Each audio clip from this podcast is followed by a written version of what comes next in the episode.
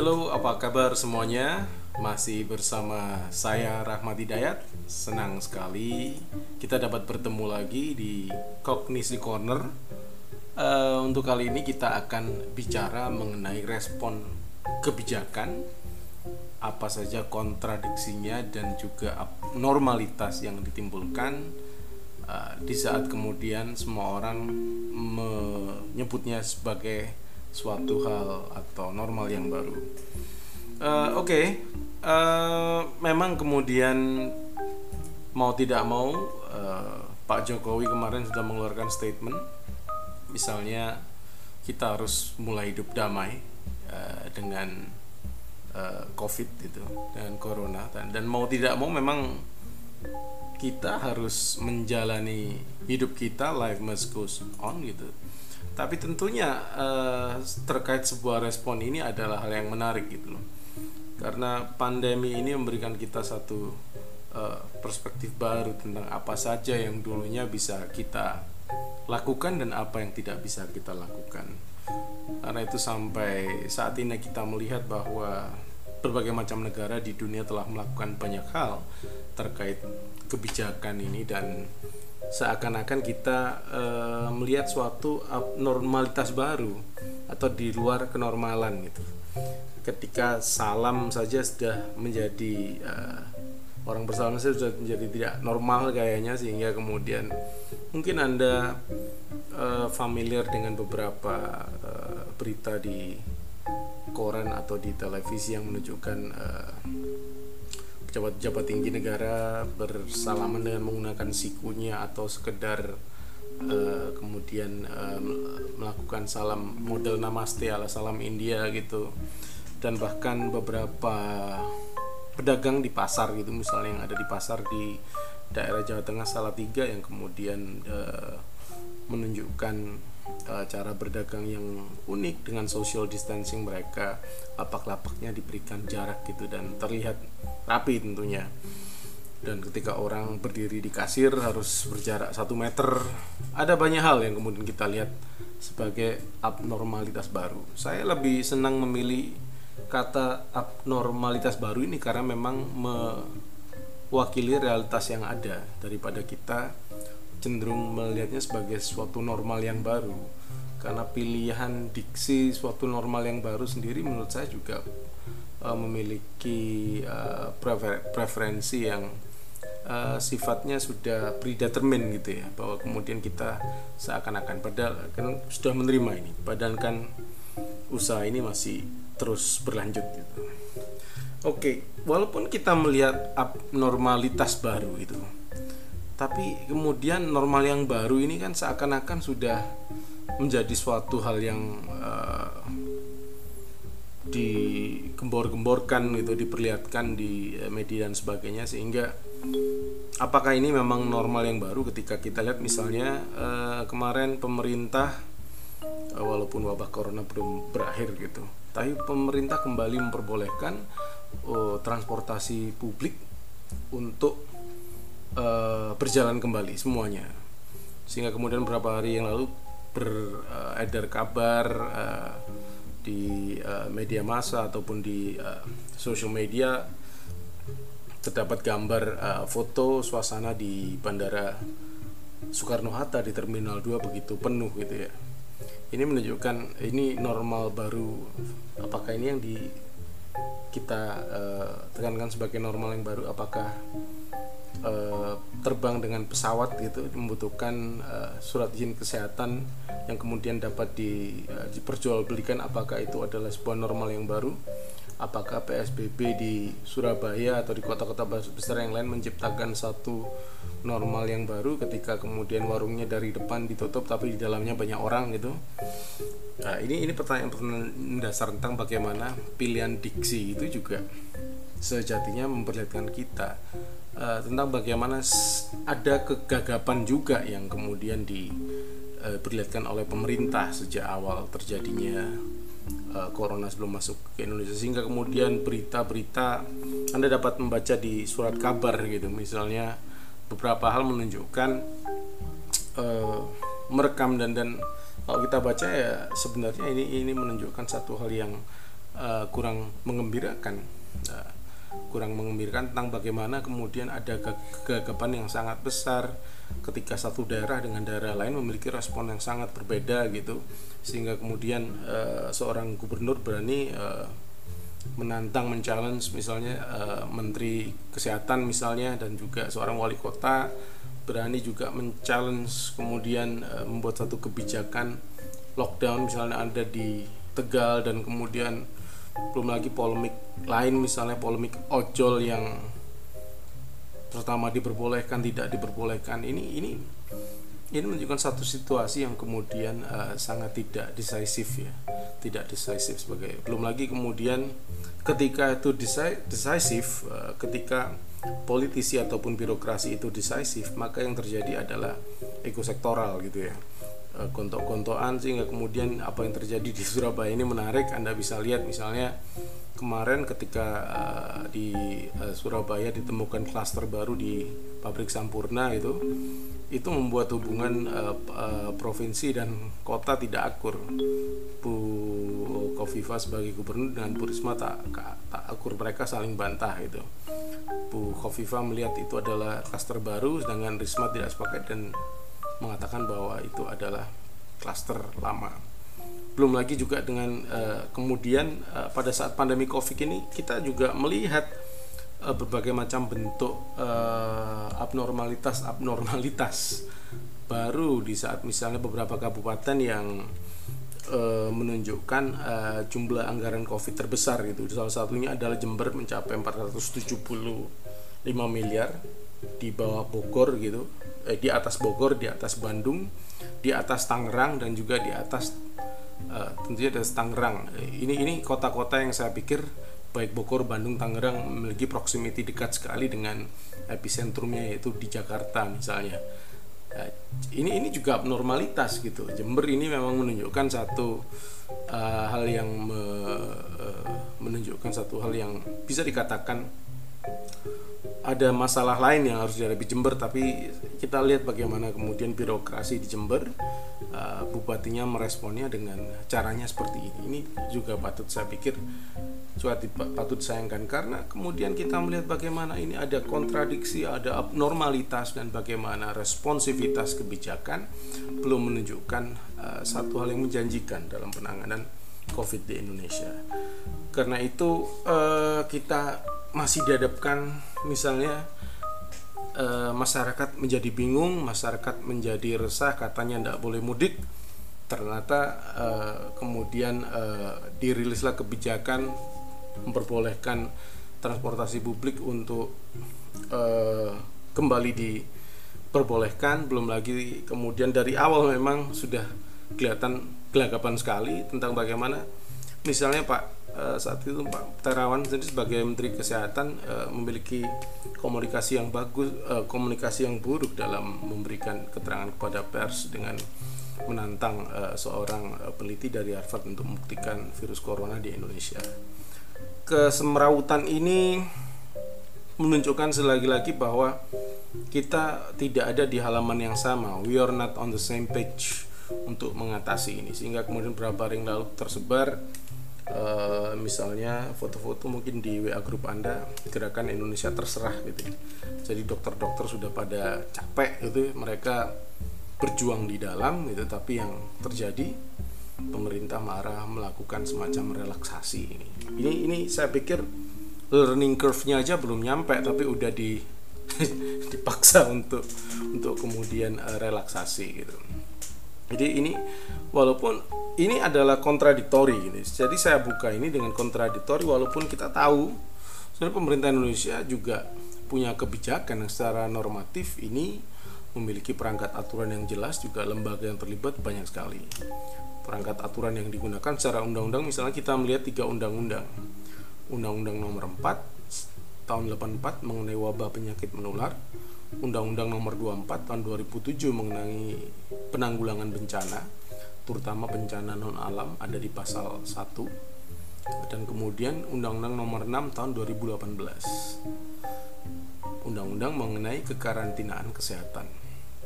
Nah, di awal mulai ini banyak-banyak sekali kemudian perdebatan pemerintah uh, bingung gitu karena ini tentunya dengan nomenklatur undang-undang yang ada ini tentunya akan uh, menciptakan satu uh, potensi dari benturan tata kelola di bawah nanti. Kita akan bahas mengenai itu nanti. Sementara yang terlibat sekali juga luar biasa banyak. Mulai dari Badan Nasional Penanggulangan Bencana, Kementerian Kesehatan, Kemendagri, Kemenlu, Kemenhub, Kemendesa, ada 34 pemerintah provinsi, ada 514 kabupaten kota gitu. Kementerian BUMN, Kemeninfo dan sebagainya. Ini menunjukkan bahwa ini uh, multi layer tidak hanya ada di pemerintah pusat tapi juga dari pemerintah daerah, pemerintahan kabupaten kota dan juga centralized berada pada kementerian. Jadi ini eh, penanganan pandemi ini juga merupakan satu hal yang besar gitu.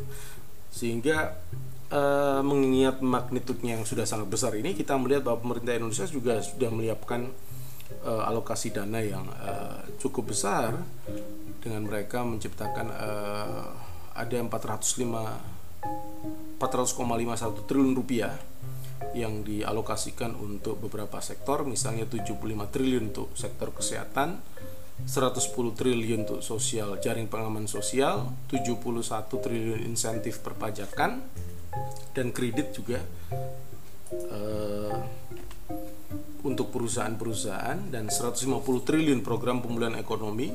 Ini juga termasuk restrukturisasi kredit untuk usaha mikro kecil dan juga medium. Dari jumlah yang kita lihat tadi kita bisa melihat bahwa uh, ini uh, terimplementasi dalam berbagai macam bentuk. Misalnya ada bentuknya subsidi listrik gitu ya. Ada subsidi listrik bagi 2,4 juta uh, pelanggan uh, 2,4 juta pelanggan 450 volt gratis dan juga pelanggan 900 volt diskon 50% selama 3 bulan dan yang gratis juga selama 3 bulan ada kartu prakerja yang bikin ramai kemarin juga 600 ribu per bulan. Eh, 600 ribu per bulan eh, dan juga itu digunakan 4, 4 bulan. Tapi ini ini juga bikin ramai juga. Kemarin ini kartu prakerja eh, penuh banyak konflik kepentingan misalnya. Ada juga BLT dana desa 600 ribu per bulan dan total ada 11 juta penerima kartu sembako ada 200 juta kakak masing-masing kakak akan mendapatkan 200 ribu untuk uh, kartu sembakonya dan juga ada uh, program keluarga harapan misalnya program keluarga harapan ini bisa sampai 10 juta kakak selama 12 bulan dengan kenaikan 12% dari besaran sumbangan sebelumnya. Dan belum lagi juga bantuan uang tunai untuk uh, non Jabodetabek yang jumlahnya uh, sampai 9 juta penerima dan masing-masing 9 juta penerima ini berhak atas 600 ribu. Ini tentunya menunjukkan satu uh, kekuatan besar ya, kekuatan besar yang uh, bagaimanapun juga pemerintah melihat ini sebagai suatu hal yang serius. Oke, di samping tadi uh, kita melihat bentuknya gitu. Tapi kemudian untuk kebijakan-kebijakan turunannya ini luar biasa banyak sekali bukan bukan maksudnya bukan turunan. Tapi bagaimana kemudian kebijakan ini punya uh, kita lihat misalnya ada Kepres nomor 7 tahun 20 tahun uh, 2020 mengenai gugus tugas percepatan penanganan corona. Kepres nomor 9 perubahan atas keputusan Presiden nomor 7. Kepres nomor 11 tahun 2020 penetapan kedaruratan kesehatan masyarakat. Kepres nomor 1220 penetapan bencana non alam penyebaran coronavirus sebagai bencana nasional. Ini menarik ya, karena di sini ada dua uh, hal ada dua penetapan. Pertama, penetapan kedaruratan kesehatan masyarakat dengan nomenklatur undang-undang kekarantinaan dan yang kedua adalah penetapan bencana non alam penyebaran coronavirus. Nah, itu nomenklaturnya adalah undang-undang uh, penanggulangan bencana di Indonesia. Jadi Anda melihat dari sini, dari kepres ini, saya, saya, saya rasa ini adalah satu bentuk kebingungan karena memang sebagai yang menyatakan tadi ini menimbul undang e, beberapa undang-undang yang ada ini menimbulkan satu dualisme. Dualisme tentang bagaimana se sejatinya ini apakah memang masalah kekarantinaan kesehatan di mana itu adalah kewenangan Kementerian Kesehatan ataukah itu memang wilayahnya dari Badan Nasional Penanggulangan Bencana. Nah, ini tentunya menciptakan uh, sedikit mishap pada proses uh, pada proses-proses implementasi kebijakan ataupun juga pada proses-proses eksekusi maupun formulasi dari sebuah kebijakan yang akan diambil gitu. Karena itu uh, kalau anda lihat gitu ya, uh, ketua satgas COVID-nya dari BNPB tapi juru bicaranya dari Kementerian Kesehatan gitu. Seakan-akan uh, win-win saja lah ini. Nah, belum lagi aturan-aturan itu dari sisi aturan berarti sudah menciptakan satu hal yang belum lagi uh, dari aturan-aturan turunan misalnya Perpres nomor 52 tahun 2020 perubahan postur dan rincian APBN ini menciptakan hal masalah lagi karena APBN juga berpengaruh kepada APBD itu kalau kita ngomong uh, refo refocusing nah setelah itu ada turunannya lagi uh, Perpu nomor 1 uh, tentang kebijakan keuangan negara dan stabilitas sistem keuangan uh, dan juga nomor Inpres nomor 4 2020 tentang refocusing kegiatan, realokasi anggaran serta pengadaan barang jasa dalam percepatan penanganan virus. Ini juga menunjukkan uh, menciptakan satu pertanyaan tentang bagaimana uh, refocusing dari APBN dan APBD itu bisa disinkronkan karena itu juga merupakan satu uh, eh, PR besar bagi pemerintah untuk melakukan itu. Uh, Kemendagri juga mengeluarkan uh, anggaran dan PP nomor 21 uh, tentang pembatasan sosial berskala besar dan juga surat edaran Kementerian Desa tahun 8 tahun 2020 tentang desa tanggap Covid. Anda lihat ini hanya beberapa cuplikan dari kebijakan yang dikeluarkan dari kebijakan yang dikeluarkan. Ini ini menunjukkan bahwa uh, kebijakan banyaknya kebijakan ini akan memunculkan satu ruang-ruang proses pembuatan keputusan yang kemudian di situ uh, birokrasi akan mudah terjebak dalam satu uh, labirin proses pembuatan ke kebijakan. Semakin banyak kebijakan yang dibuat, artinya semakin banyak kepala yang terlibat pada proses pembuatan kebijakan dan semakin banyak orang yang memiliki peluang untuk uh, kemudian membuat satu kebijakan, baik itu yang sifatnya positif ataupun kontraproduktif dengan kebijakan yang lain. Ini adalah salah satu catatan. Karena itu belum lagi pemerintah di sini masih sibuk kemudian pemerintah saya saya juga tidak paham pemerintah masih sibuk sekali memberikan sinyal-sinyal yang mengirimkan pesan yang sifatnya itu dualisme mengirim sinyal-sinyal yang sifatnya tidak tegas kontradiktori kontradiktif satu sama lain misalnya masyarakat nggak boleh mudik gitu ya tapi kemudian transportasi publik dibuka dan, akhirnya kemarin di beberapa e-commerce online gitu Anda bisa temukan penjualan-penjualan misalnya penjualan uh, surat keterangan sehat dari beberapa rumah sakit yang akhirnya juga dibantah oleh pihak rumah sakit gitu. Uh, dan kita diajak untuk berdamai dengan corona misalnya. Ini ini ini satu pesan yang saya pikir uh, melukai akal sehat kita semua gitu bagaimana kita mungkin akan berdamai dengan uh, sesuatu yang akan membunuh kita gitu jadi kita perlu bukan berdamai, tapi yang perlu kita kan adalah dengan melawan corona. Caranya apa? Mungkin dengan kebijakan yang baik gitu. Dan bahkan misalnya eh, yang paling baru adalah kemarin eh, Kementerian BUMN eh, sudah mewajibkan bagi pegawai yang berusia di bawah 45 wajib masuk kantor eh, mulai tanggal 25 Mei 2020. Sebetulnya ini juga membahayakan karena kemarin Komisi uh, eh, ASN nasional juga sudah mulai mewacanakan mulai mewacanakan ada wacana uh, pensiun dini bagi uh, PNS uh, di atas 45 gitu. Jadi saya, saya pikir ini juga merupakan jika ini terjadi ini adalah salah satu hal yang uh, mungkin patut diwaspadai gitu.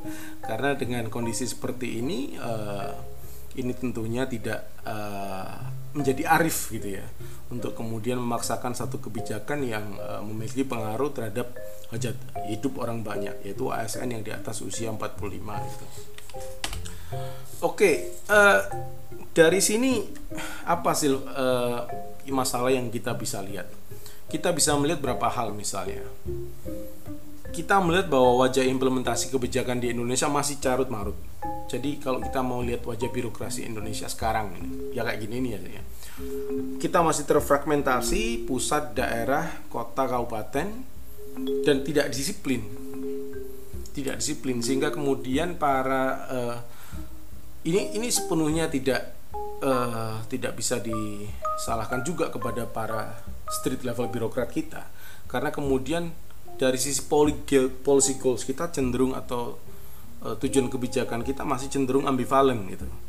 Sehingga eksekusi di tingkat bawah di tingkat street level birokrat tidak efektif gitu. Saya masuk dari beberapa hari yang lalu saya uh, berada di Jember gitu karena Jember tidak ada PSBB eh, saya waktu itu ada kerjaan saya ke, uh, Banyuwangi terus pulang lewat Situbondo sampai Bondowoso. Lain-lain treatmentnya di sini dan distorsinya memang di lapangan memang tinggi. Sehingga kemudian walaupun ketika masuk dari Bondowoso ada pos polisi tapi saya tidak dicegat itu saya disuruh langsung gitu.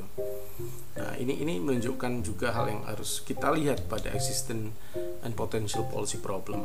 Uh, belum lagi kemudian distribusi program bantuan ini juga bantuan langsung. Ini potensi korupsinya sangat tinggi. Karena ada data yang terfragmentasi dan ini rentan overlap penerima. Jadi uh, data terpadu kesejahteraan sosial menunjukkan hanya 286 dari 514 kabupaten kota yang sudah melakukan update. Ini tentunya akan meninggalkan masalah di tingkat daerah. Nah, sementara kita berkutat pada masalah ini gitu, pada masalah ini, kita jadi lupa bahwa kemudian COVID ini menciptakan tata dunia baru.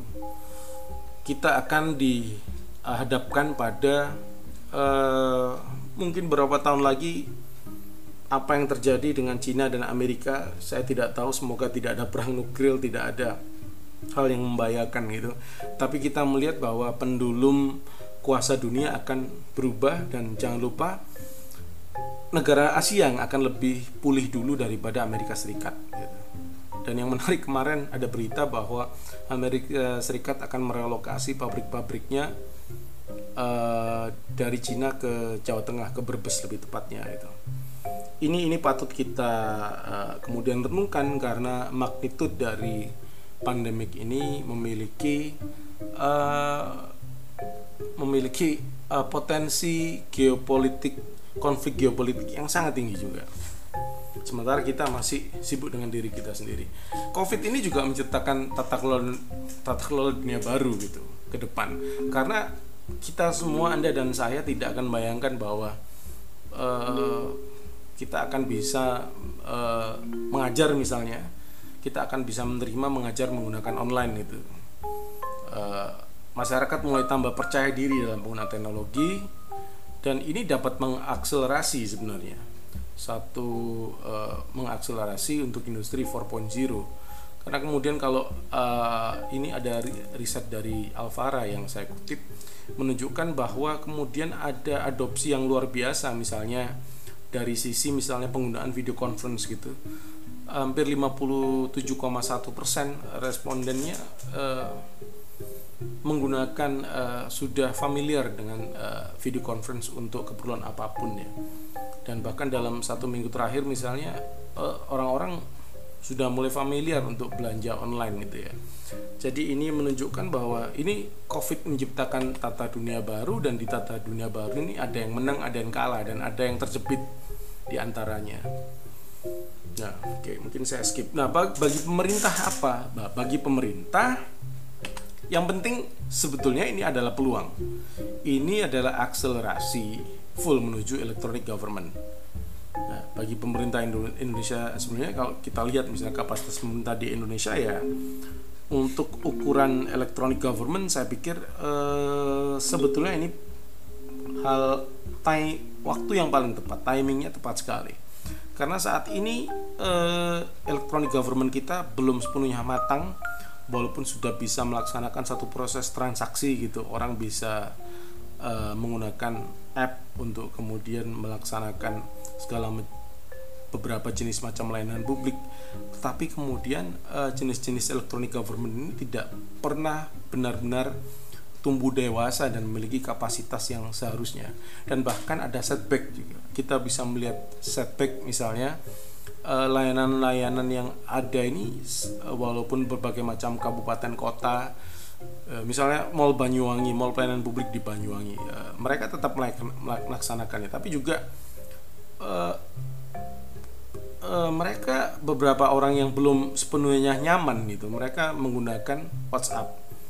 Nah ini ini menunjukkan bahwa uh, desain dari uh, sebuah uh, electronic government harus juga memperhatikan tentang bagaimana uh, walaupun COVID ini menciptakan satu peluang untuk maju, tetapi jangan lupa masyarakat masih banyak yang juga tidak maju. Nah, sehingga kemudian model-model layanan yang sifatnya jemput bola dan langsung gitu, itu tetap harus ada, tetap harus ada gitu. Karena itu kebijakan publik sekarang dihadapkan pada uh, tantangan. Tantangan ketika kebijakan publik itu tidak bisa relevan misalnya. Di saat corona belum turun gitu misalnya Menhub izinkan semua moda transportasi kembali beroperasi ini pertanyaannya ini untuk kepentingan siapa gitu kebijakan publik kali ini? Apakah ini misalnya mohon maaf apakah kepentingan bisnis airline misalnya? Yang bukan rahasia umum bahwa airlines ini adalah salah satu sektor yang uh, sektor bisnis yang kemudian uh, termeh-meh terkena covid gitu ya. Kita paham bahwa airlines kadang-kadang menyewa pesawat dan sewa pesawat ini dan tentunya segala macam kolateral yang terkait dengan uh, perbankan juga akan mengikuti gitu nah ini tentunya memang bisnis tidak baik untuk semua tapi apakah kebijakan publik harus terus selalu menangkan bisnis? Ini adalah pertanyaan yang saya pikir uh, pemerintah harus bisa menjawab dengan jujur.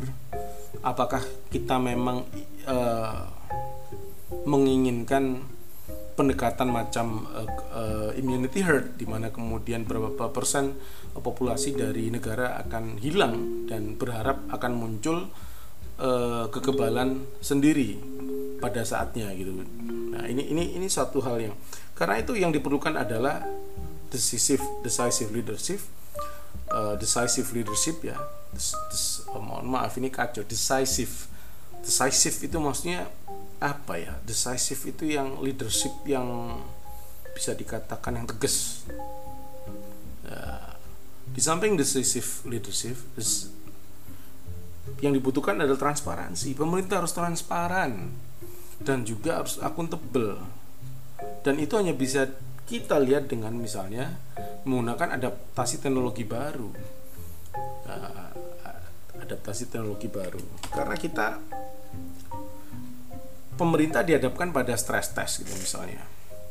Stress test ini kita lihat bahwa sejatinya ini adalah sebuah stress test pandemik uh, ini. Stress test uh, terhadap birokrasi di mana birokrasi kita di tekan uh, sampai ke batas luarnya sehingga kebijakan-kebijakan tadi yang kita lihat itu memperlihatkan satu hal yang tidak pada tempatnya sehingga kita mempertanyakan ya, pertanyaan-pertanyaan tes untuk birokrasi kita ini. Misalnya misalnya pertanyaan pertama siapakah commander in chief dari uh, kondisi luar biasa sekali ini? Apakah Kementerian Kesehatan? Apakah BNPB apakah kemudian bagaimana dengan dokter uh, apakah kebijakannya BNPB tepat misalnya?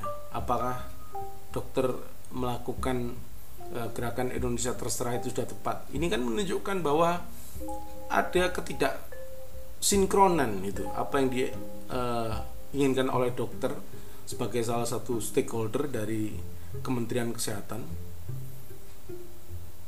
Tapi, walaupun ini mungkin tidak ada hubungannya karena bisa saja seorang dokter melakukan itu karena uh, gerakan kepeduliannya saja atau ke BNPB atau BNPB yang kemudian mengeluarkan uh, dan Kemenhub misalnya mengeluarkan kebijakan uh, memperbolehkan transporta transportasi publik gitu. Ini ini siapa sih yang in comment sekarang ini? Nah, itu pertanyaan pertama. Yang kedua adalah bagaimana sih sinkronisasi refocusing APBN pada APBD? Itu hal yang tidak gampang gitu. Hal yang tidak gampang tapi memang bisa dilakukan, tetapi energi dan sumber daya kita saya pikir akan betul-betul habis kalau kemudian uh, kita hanya fokus pada hal ini tanpa kemudian melihat pada proses eksekusinya. Nah, belum lagi adalah uh, benturan pembagian tugas kongruen bidang kesehatan. Nah, karena apa? Ada beberapa benturan uh, di mana Undang-Undang Nomor 23 tahun 2014 tentang pemerintahan desa itu meletakkan bahwa uh, urusan kesehatan itu uh, adalah urusan yang kemudian melekat pada uh, daerah misalnya yang harus diwajibkan itu adalah urusan wajib bidang kesehatan harus dilakukan oleh masing-masing daerah. Tapi ini bertentangan dengan Undang-Undang Nomor 6 tahun 2018. Ketika kemudian uh, kita paham ini adalah Undang-Undang Kekarantinaan Kesehatan langsung di bawah pemerintah pusat. Nah ini ini uh, akhirnya kan menyiratkan bahwa ini adalah urusan ber urusan bersama. Tapi siapa leadernya di sini? Nah ini pertanyaan yang harus kita jawab. Pemerintah pusat kalau memang pemerintah pusat oke okay sekarang. Itu berarti menabrak undang-undang ada di bawah undang-undang nomor 23 sekarang pertanyaan oke okay, kalau memang ini ada kejadian luar biasa sekarang siapa leadernya di sini? Pemerintah daerah tugasnya apa?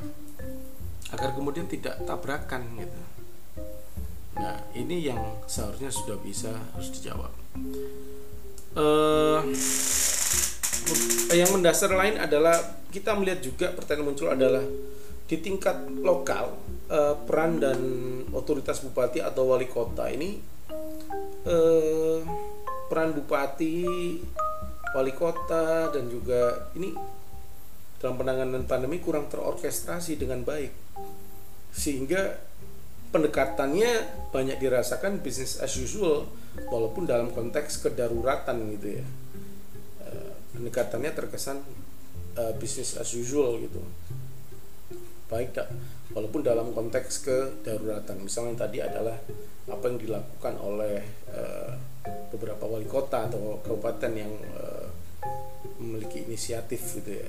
Karena ini konteksnya adalah kedaruratan gitu. Nah belum juga adalah uh, masalah yang lain adalah uh, peran atau otoritas gubernur sebagai kepanjangan tangan pemerintah pusat dalam konteks penanganan kebencanaan yang uh, less delivered ya. Less delivered. Jadi gubernur sendiri juga less delivered dalam hal ini. Kurang bisa kemudian men melakukan uh, delivery yang konkret di level uh, kabupaten atau kota gitu walaupun uh, gubernur adalah kepanjangan tangan dari pemerintah pusat tapi kalau kita ngomong eksekusi yang punya tetap adalah sebetulnya adalah kabupaten atau kota yang punya kemenangan. Nah ini ini menunjukkan ini betul-betul stres test bagi birokrasi kita ter terkait dengan hubungan uh, pusat daerah di kala pandemi. Perlu kemudian mendefinisi ulang. Karena itu di sini kita akan coba menjawab kira-kira bagaimana sih kita akan melampaui uh, stress test uh, kebijakan ini? Kebijakan apa yang kemudian dibutuhkan? Bagi saya yang penting adalah uh, agar kemudian kita bisa melampaui, agar birokrasi, agar muncul kebijakan yang bis, uh, bisa menanggulangi COVID ini adalah karakter yang dibutuhkan masyarakat seperti ini masyarakat itu butuh pemimpin uh, yang decisif, decisif, yang tegas dengan komandan yang jelas dan juga eksekusi yang jelas. Ya, komandannya jelas dan eksekusinya yang jelas. Uh, rakyat bingung gitu dengan kemudian uh, kebijakannya yang tidak jelas dan juga komandernya juga tidak jelas. Nah, ada masalah koordinasi yang lemah. Yang saya pikir ke depan kita harus memiliki big data yang terintegrasi. E, belum lagi eh, juga dua bandul besar yang terus bergerak ini Kemenkes lawan BNPB misalnya. Kita melihat eh, dua bandul besar ini adalah apa yang saya katakan top policy commander yang harusnya memang harus ada salah satu yang kemudian mengatur ini. Eh, kejumbuhan perangkat aturan terkait bencana alam dan kekarantinaan. Dua-duanya dipakai dan menghasilkan banyak kebingungan. Eh, selanjutnya adalah mempertegas posisi gubernur dan perangkatnya sebagai kepanjangan tangan pemerintah pusat uh, dalam PSBB dan penanganan kebencanaan di tingkat kabupaten atau kota. Gubernur harus punya peran dalam menertibkan hal ini. Uh, karena itu di sini kita juga perlu untuk mengindahkan posisi bupati atau wali kota sebagai kepala daerah yang memiliki kewenangan kongruen yang tidak dalam penanganan pandemi pada sektor kesehatan. Nah, Eh, dari sini eh, pelajarannya apa bahwa kita butuh tata kelola kebijakan publik baru untuk pandemi. Yang premis premis utamanya adalah tentu saja kita ingin masyarakat sejahtera yang aman ke depan. Karena itu yang perlu kita kedepankan adalah bagaimana kita memperluas peluang di masa depan. Caranya adalah dengan mulai dari sekarang budget penggunaannya harus efisien, harus efektif sumber daya manusianya harus benar benar sehingga kemudian apa di samping kita bisa memperluas peluang masa depan maka harapannya di sini akan muncul usaha usaha-usaha untuk mengarus utamakan satu keselamatan publik. Caranya apa? Mitigasi resiko. Uh, sehingga kemudian dari premis utamanya untuk kesehatan masyarakat tools yang kita miliki sebagai uh, seorang policymaker tentunya adalah people centered regulation bukan yang hanya heavily uh, fokus pada kewenangan pemerintah pusat atau daerah atau kota. Tapi yang seimbang. Karena itu perlu sebuah uh, empati ya, sebagai salah satu insentif itu. Karena kemudian masyarakat kita ini sudah kehilangan empati saya pikir. Sudah kehilangan empati terhadap apa yang terjadi di uh, sekitarnya. Sehingga kemudian masyarakat kita menjadi uh, tidak terkoneksi dengan realitas kadang-kadang sehingga mereka tidak akan banyak berpikir uh, tentang pandemi ketika perutnya masih lapar. Karena itu ini yang bisa kita berikan adalah insentif dan empati. Sebagai pemerintah mungkin sudah benar mengeluarkan kebijakan terkait dengan bantuan Eh, langsung ataupun kebijakan langsung, tapi yang perlu kita lakukan adalah bagaimana tata kelola dan kebijakan tadi e, perlu kemudian membutuhkan satu kepemimpinan yang tegas, proses e, sebuah adopsi e, big data untuk mempermudah kebijakan yang kemudian transparan dan juga akuntabel. Saya pikir uh, itu yang akan saya sampaikan hari ini. Semoga Anda semua menikmatinya. Sampai jumpa lagi pada podcast saya berikutnya. Om ilang torik wassalamualaikum warahmatullahi wabarakatuh. Stay healthy, stay safe, and stay alive. Have a good one semuanya. thank you